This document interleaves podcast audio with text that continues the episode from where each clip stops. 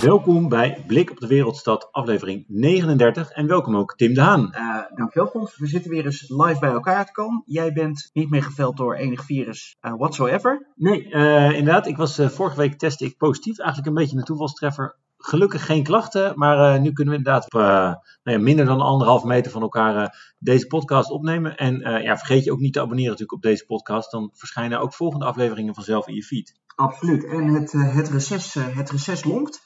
Maar uh, daar zijn we nog niet helemaal. Dus uh, nou, we gaan eens even kijken. Hopen ook voor vriend van de show, René Segers Hogendoorn, dat het volume goed genoeg is. Dat hij ook dwars door de, door de spits in Rotterdam op de fiets met, uh, met de oordoppen in ons goed kan verstaan. Ja, of onder natuurlijk de, de, de rook van, van 16 over met over vliegende vliegtuigen, dat, die, dat wij daar bovenuit komen. nou ja, Fons, we gaan straks natuurlijk even eens bespreken wat er, wat er zo al in de, in de raad is gebeurd.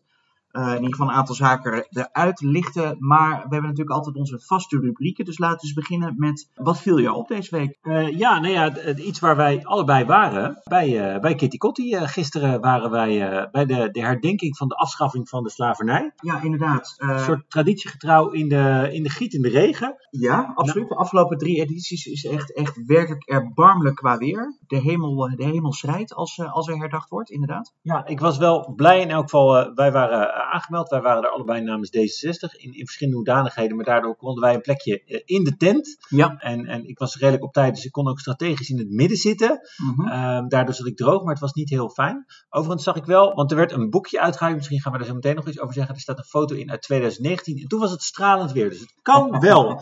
en het, was jou opgevallen, uh, althans, uh, waar, waarom wilde jij het even over hebben? Over, over nou, eigenlijk de, de, de, de, herdenking, want het is misschien even goed om te zeggen dat je, je het, het is sowieso een uh, een, een, periode waarin er behoorlijk veel wordt georganiseerd, in ieder geval in Rotterdam. Rondom uh, Kitty Kotti, gedeeld verleden gezamenlijke toekomst, is, uh, is de stichting die dat, die dat flink, flink draagt en organiseert. Nou, niet alleen dat. Er is volgens mij morgen ook een grote herdenking in, in Amsterdam, in het Oosterpark. En vandaag was er, of ehm, vandaag, vandaag, vandaag was het eigenlijk 1 juli inderdaad, wat de eigenlijke Kitty Kotti is. Het, het verbreek de ketenen, ja, ja, ja. betekent het. Daarmee het, ja, het afschudden van de slavernij. Vandaag werd ook bekend dat Klaas Knot heeft een toespraak gehouden en daarmee namens de Nederlandse Bank um, excuses aangeboden.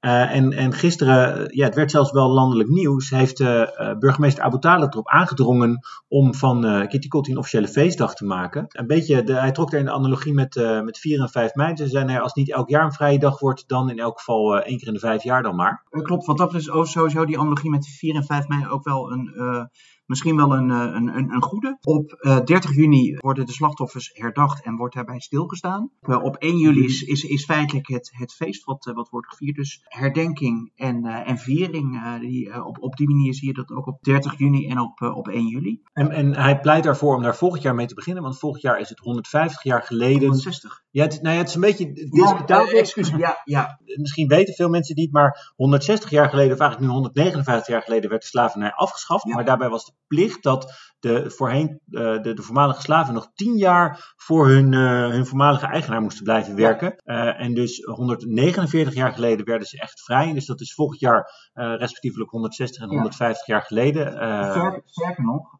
om hem nog even iets vanger te maken, er vond compensatie plaats na de afschaffing van de slavernij. Maar die compensatie was voor de eigenaren.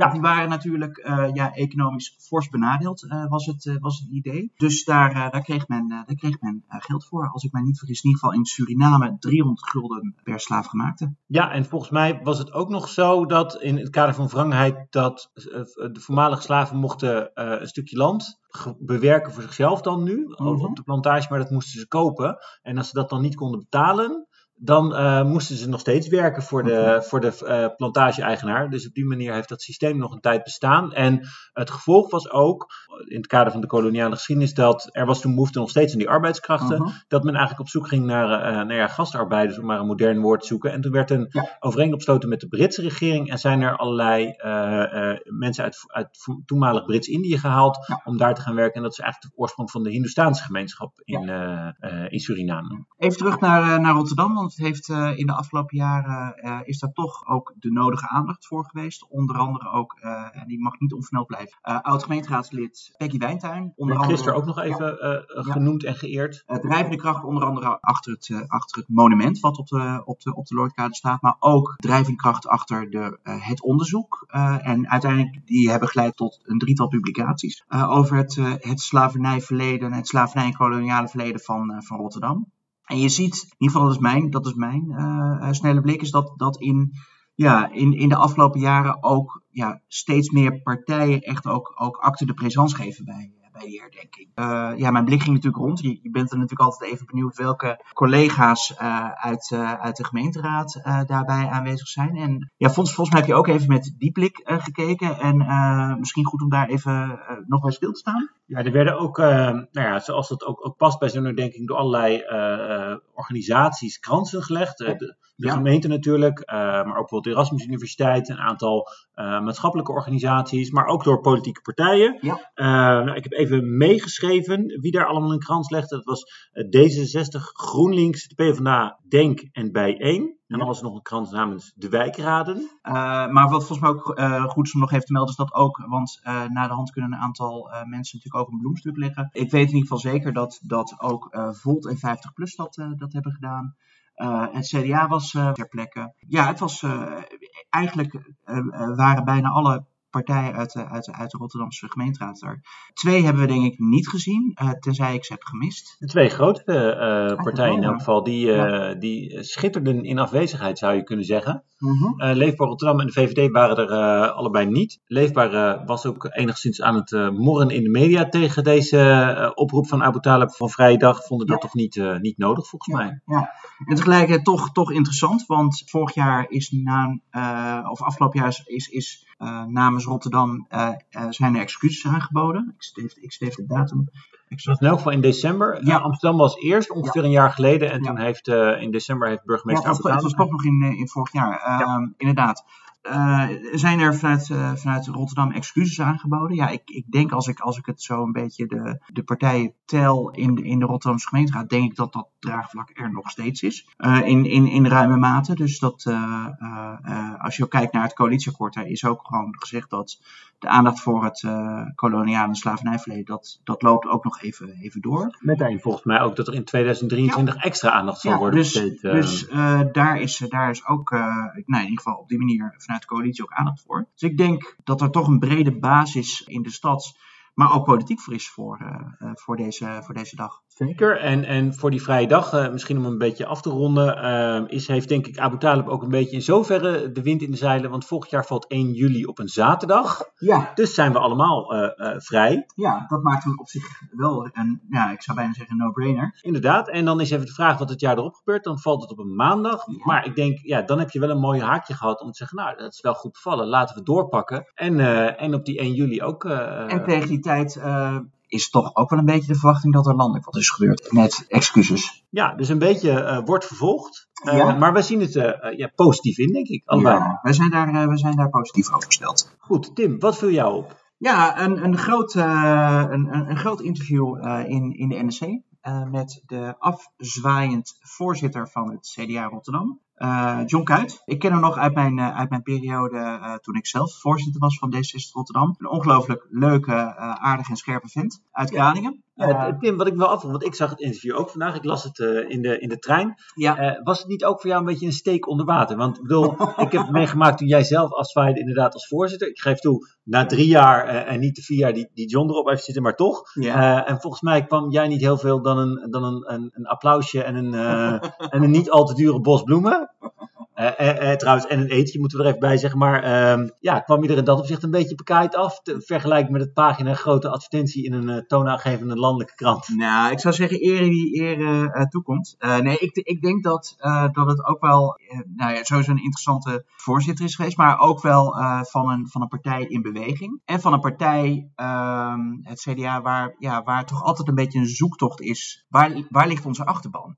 Uh, waar bevindt hij zich? Zeker ook in een tijdschrift waarin uh, de boeren nou, een beetje natuurlijk als, als gepercipieerd als de klassieke achterban van, van het CDA. ja, van alles nog wat uithalen in het land. Ik moest toch, ik moest toch ook wel, ik, ik denk dat je waarschijnlijk hetzelfde had. Ehm, we zijn natuurlijk allebei, we luisteren met plezier naar, naar betrouwbare bronnen. En nou, al dan niet kritisch luisteraar van, van PG.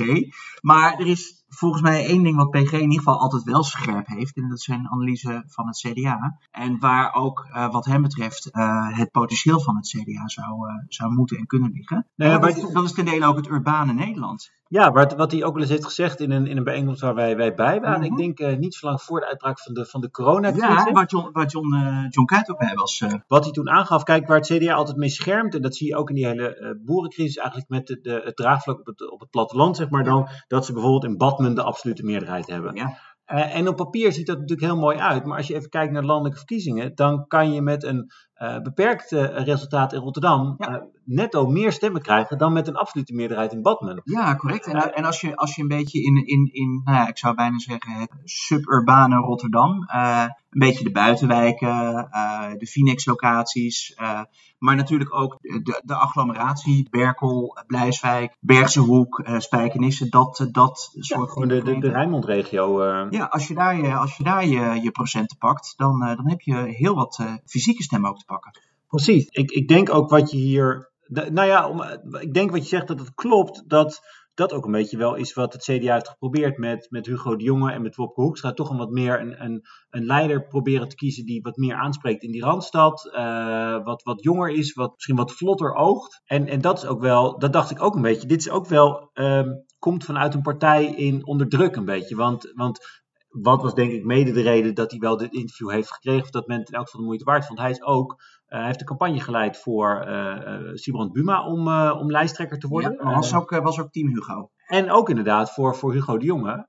en heeft bijvoorbeeld, de, onder een van zijn kritiekpunten is tegen Buma heeft hij gezegd, ik wil het wel doen, maar dan moet je wel, als je, moet je wel in de Kamer gaan zitten. Je moet fractievoorzitter worden. Geen, niet in het kabinet gaan zitten. En dat is wel de kritiek die je hoort. Dus hij heeft kritiek op de boeren eigenlijk, dat uh, het rentmeesterschap in dat opzicht door, door het CDA een beetje overboord wordt gezet. Hou die even vast, dat rentmeesterschap. En het tweede is, is dat dus uh, Wopke Hoekstra te onzichtbaar is als CDA-leider. En dat gaf mij wel een herinnering aan, aan kritiek die in het verleden was, ook op, toen Hans van Mierlo uh, Paars 1 had uh, mede helpen vormgeven, dat hij minister van Buitenlandse Zaken werd en vervolgens dus niet als partijleider in het, in het land was om die partij ook daadwerkelijk te leiden. En ja. Uh, nou ja, op dit moment gebeurt er meer nog in de wereld misschien wel dan, dan ten tijde van de jaren negentig. Ja, oh ja, absoluut. En, in onze achtertuin. Ja, ja en, en hoewel, zit, hoewel, ja, Bosnië speelde toen ook, maar ja, zit, zit schippert tussen, tussen Brussel, Kiev, Londen, Washington, Madrid. Uh, nou ja, die, ik denk dat, uh, dat de familieman weinig thuis is. Lief Lot zal, hem, zal hem hebben gemist, denk ik, de ja, periode. Die moest vandaag misschien ook nog wel staken als huisarts. Dus dat is nog een heel complex verhaal. Maar dat is misschien een zijpaadje wat we niet op moeten gaan. Maar beschouw je het interview ook een beetje vanuit, vanuit die misschien wel richtingenstrijd die daar wellicht toch weer wat, wat, wat, ja, wat sluimert? Nou ja, ik denk wat je hier ziet is wat mensen, waar mensen altijd meteen bij de PvdA aan denken. Dat, uh, dat als er, um, nou ja, als, de leider, als het niet helemaal lekker gaat met de partij, komt de kritiek op de leider. En zeker vanuit de, dan worden de, bij de PvdA altijd de mastodonten van stal gehaald. Ja. Nou, ik denk dat, dat uh, John Kuit in dit geval wel even het, uh, het schot voor de boeg heeft Het was het eerste schot voor de boeg in. Ja, ja. Van, van toch, nou ja, en dat is eigenlijk wat Hugo heeft aangegeven ook. Hè, toen hij eigenlijk het lijsttrekkerschap heeft opgegeven, vorig jaar of anderhalf jaar geleden.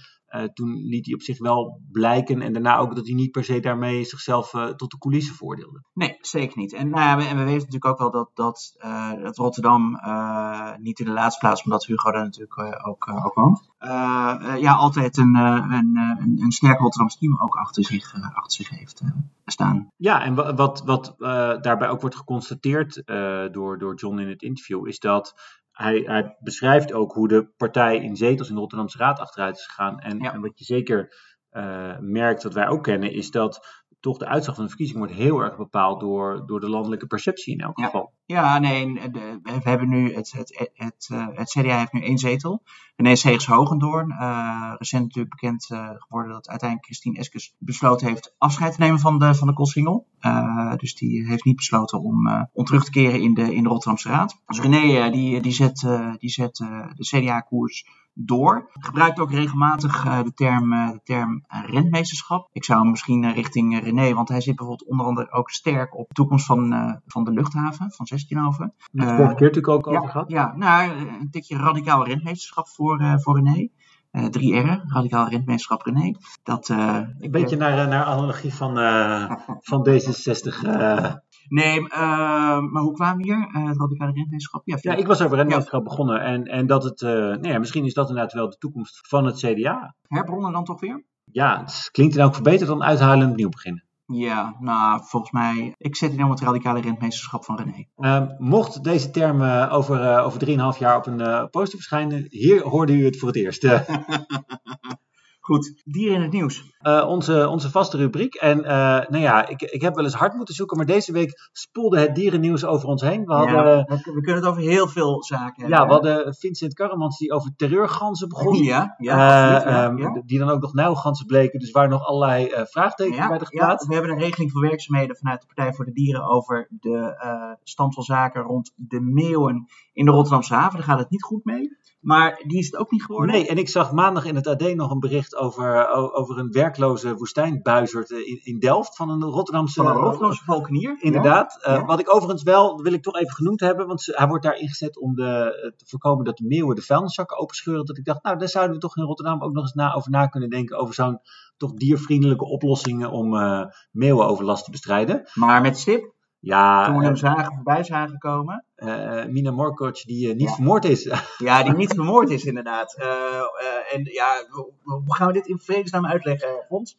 Heb jij hem te plekken? Maar, ik ik kan hem erbij pakken, want er had een, een tweetje gedeeld. Even voor de duidelijkheid, Mina Mokoc, raadslid voor GroenLinks. Misschien wel een van de jongste raadsleden in de, in de Rotterdamse Raad. Met voorkeurstemmen gekozen. Ja, voor, ja, ja, studeert ook nog uh, rechtsgeleerdheid, als ik mij, als ik mij niet vergis. Uh, en is, um, uh, hoe dan ook, als je haar een klein beetje volgt op Twitter, een enorme fan van dieren. Ja, en um, wat, wat, wat was nou het geval? Ze constateerde dat een, uh, een lieve heersbeestje op haar, uh, op haar vleugel zat, toen ze, of haar, arm zat toen ze aan het, uh, aan het fietsen was. Mm -hmm. en, en dan vielen mij al eerst twee dingen op. Ze zag dat het lieve heersbeestje een gebroken vleugel had. Ja, knap. Ik zou het ja, ik zou het zelf ook niet herkend Ja. hebben. Um, maar ze heeft het mee naar huis genomen, omdat het ook regende. Ja. Um, en ze heeft blijkbaar al eerder lieveheersbeestjes gered. Dus ze wist ook wat ze lekker vinden. Dat zou ik ook echt niet weten. Ik zou niet weten zover wat ik met een lieveheersbeestje aan moet. Uh, maar ze kwam uh, met, via Twitter met een andere uh, ja, dierenliefhebber denk ik in contact. En die bleek een vlinderstruik te hebben op zijn balkon. En had wel plek voor een lieveheersbeestje.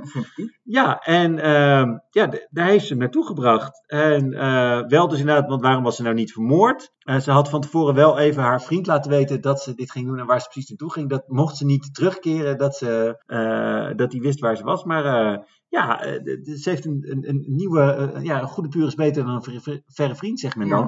In dit geval ook. Ja, alle- alleen maar goede mensen. Ja, en het lieveheersbeestje heeft ook een nieuwe fijne plek gevonden. Vertrouwen in de mensheid eh, hersteld. Ja, lieve heersbeestje gered. En eh, eind goed al goed. Ja, ik zeg, luisteraars, neem hier een voorbeeld aan. Ja. Uh, en, en zit je dus met een lieveheersbeestje van je niet weet wat je ermee aan moet, uh, neem contact met, uh, met Mina. Ja, en, en dank voor dit, dit mooie stadsprookje, Mina. Ja. We hebben ervan genoten. Zeker. Nou, na dit intermezzo, tijd voor het hoofdonderwerp. Ja. hoofdonderwerpen. Nou ja, ja, weet je, ik, inderdaad. het is inderdaad wel weer even zoeken, Fons. Want uh, we hebben natuurlijk een periode gehad dat het veel over campagne ging. We hebben een periode gehad dat verkiezingen waren geweest en dat het eigenlijk nog een klein beetje, nou ja, misschien ook nog wat tam was. Een beetje stadhouderloos uh, tijdperk. Uh, waar het alle kanten op waaide, maar uh, het nog echt een beetje op, uh, op stoom moest komen. Zeker in de periode van de, van de coalitievorming. Maar goed, er is nu een, er is nu een coalitie. Er is een college geïnstalleerd. De wittebroodsweken zijn aangestart. En je merkt toch wel weer een ja, wat andere dynamiek op het, op het stadhuis. Er is weer duidelijk coalitie-oppositie. Dus dat geeft weer een hele andere, hele andere dynamiek.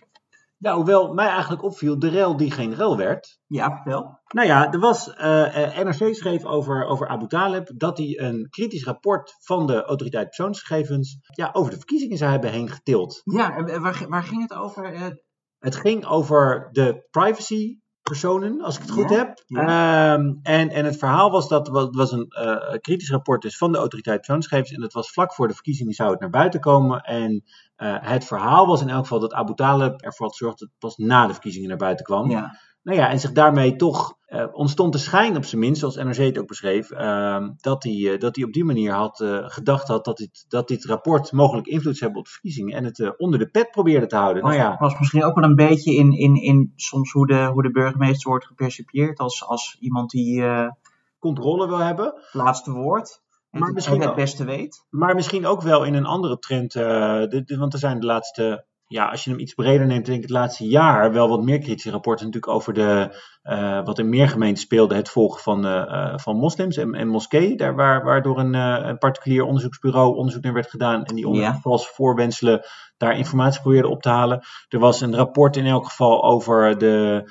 de aanpak van um, criminelen, of in elk geval volgens mij radica radicale mensen geradicaliseerde Rotterdammers. Mm een soort terrorisme aanpak die niet uh, helemaal door de beugel bleek te kunnen, waar kritiek op was. Um, nou ja, dit was een soort van de volgende lood aan de, aan de stam, zou je ja. kunnen zeggen. Ja, gelijk een, ja, geagendeerd. En toen uh, niks. Ja, en wat er toen gebeurde, je zult het niet geloven. Maar het viel wel mee. Uh, wat denk ik wel een beetje de conclusie is, en dat is wat ik ook wel een beetje dacht, en volgens mij was dat ook wel uh, de consensus in de raad. Waarom zou de burgemeester, welk electoraal voordeel zou hij ermee hebben gehad, of welke electorale reden zou hij hebben gehad om het eroverheen te tillen? En zijn uitleg was in zoverre ook, hij had nog uh, bezwaar maakte hij op een aantal punten op het rapport, en dat moest eerst nog verwerkt worden. Uh -huh. En, en nou ja, daar heeft de raad genoeg meegenomen met deze verklaring. Ja, het is in ieder geval behandeld in de, in de commissie. Ja, eind goed, al goed. Ja, lijkt het wel op. Ja. Totdat uh, er wellicht meer naar buiten komt. Ik geloof wel dat er wat. Er was wat ongelukkige mailwisseling geweest. waaruit zou blijken dat het uh, moedwillens was. Maar de vraag was een beetje. Is het nou een conclusie die hij trekt van als ik bezwaar maak, dan tillen we het over de verkiezingen heen? Of maak ik bezwaar zodat we het over de verkiezingen heen tillen? Daar, daar was volgens mij ook een beetje nog, kon je dat afhankelijk van hoe je het las, het een of het ander in, uh, in zien. Ja, zo, kun je, ja, zo zie je toch altijd uh, bijzonder contexten afhankelijk. Ja, en, en hoe één ongelukkig geschreven mailtje misschien toch een hoop uh, impact kan hebben. Ja. Um, maar ja, dit leverde dus weinig vuurwerk op in de ja. Is dat wel een beetje de, de trend wat we kunnen zeggen nu na... Nou, we hebben het over ruim twee weken. Ja, het is altijd een beetje lastig inschatten. Je merkt wel, je merkt wel nu dat, dat is mijn ervaring uh, in de raad zelf, dat, dat het verhaal uh, oppositie, coalitie wat meer uh, vorm begint te krijgen. Maar dat is natuurlijk ook elkaar weer een beetje aftasten en elkaar een beetje vinden. Maar is dat weer net zo scherp? Want in de afgelopen periode was het natuurlijk 23 versus 22. Ja, en dat was een, dat was een heel scherp onderscheid. Mijn, uh, Deze coalitie heeft, wat, heeft een wat ruimere marge. Klopt, heeft wat, uh, absoluut heeft wat ruimere marge. En mijn gevoel in ieder geval is ook hoe een aantal partijen zich hebben opgesteld in die eerste behandeling, de behandeling uh, rondom het coalitieakkoord, is zeker dat er scherpte is. En misschien ook wel op een aantal zaken uh, die niet uh, geheel onverwacht zijn. Uh, denk aan de opvang van asielzoekers. denk aan de opvang voor ongedocumenteerden. LVV. Ja, wat, wat je natuurlijk kon verwachten is met deze samenstelling dat vanuit de oppositie er vooral kritiek zou zijn op, op Denk en op, op D66 ja, Rotterdam. Ja, ja, en dat, dat, dat zie je ook. Dus daar wordt, daar wordt, natuurlijk, ook, daar wordt natuurlijk ook wel een beetje, dat wordt ook wel een beetje, een beetje opgezocht. je ziet dat, dat een Richard Moti van de Partij van de Arbeid daar heel, uh, ja, heel scherp uh, op, op de wind vaart. Tot op zekere hoogte ook wel uh, Judith Bok over GroenLinks. Kleine zijsprong daarbij, wat ik wel interessant vind om te merken is, is dat het nog niet helemaal goed gaat met timing. met, altijd met timing, dat zeg ik misschien even verkeerd. Maar als, als raadsleden heb je te houden aan, aan de afgesproken tijd die je hebt. Ja, je spreektijd in de raad is beperkt. Je spreektijd, die, dat hebben wethouders hebben dat niet. Nou, Richard Moti, Judith Bokhoven, beide oud-wethouders. Ja, daarbij viel het mij toch wel op dat, uh, dat in ieder geval in de, de eerste debatten... Wat breedsprakig zijn? Ja, ze en, ja en zeker uh, Richard vrij vlot door zijn spreektijd heen was. En daarmee ja, breng je natuurlijk ook wel een klein beetje die fractie in, in een soms wat lastig pakket.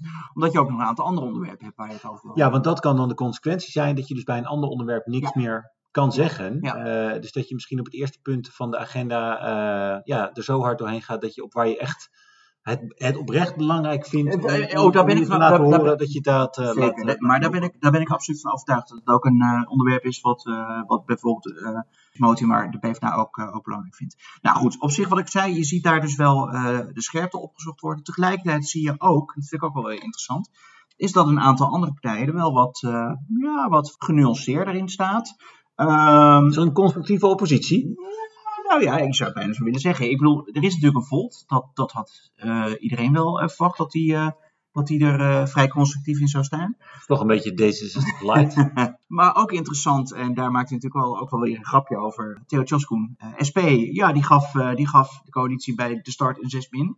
Nou, dat was de oh, dat is, daarmee kan je thuiskomen. Als, ja, dat, dat, nou ja, daar dacht Theo dan wel anders over. Dat, dat, wel zo, dat een kinderhand al zo snel gevuld was, grapte die. Uh, maar ook 50 plus, uh, ja, die stond er op zich ook wel. Uh, met de, de altijd kritische Elf Koelen. Met de altijd kritische Elf Koelen stond er ook genuanceerd in.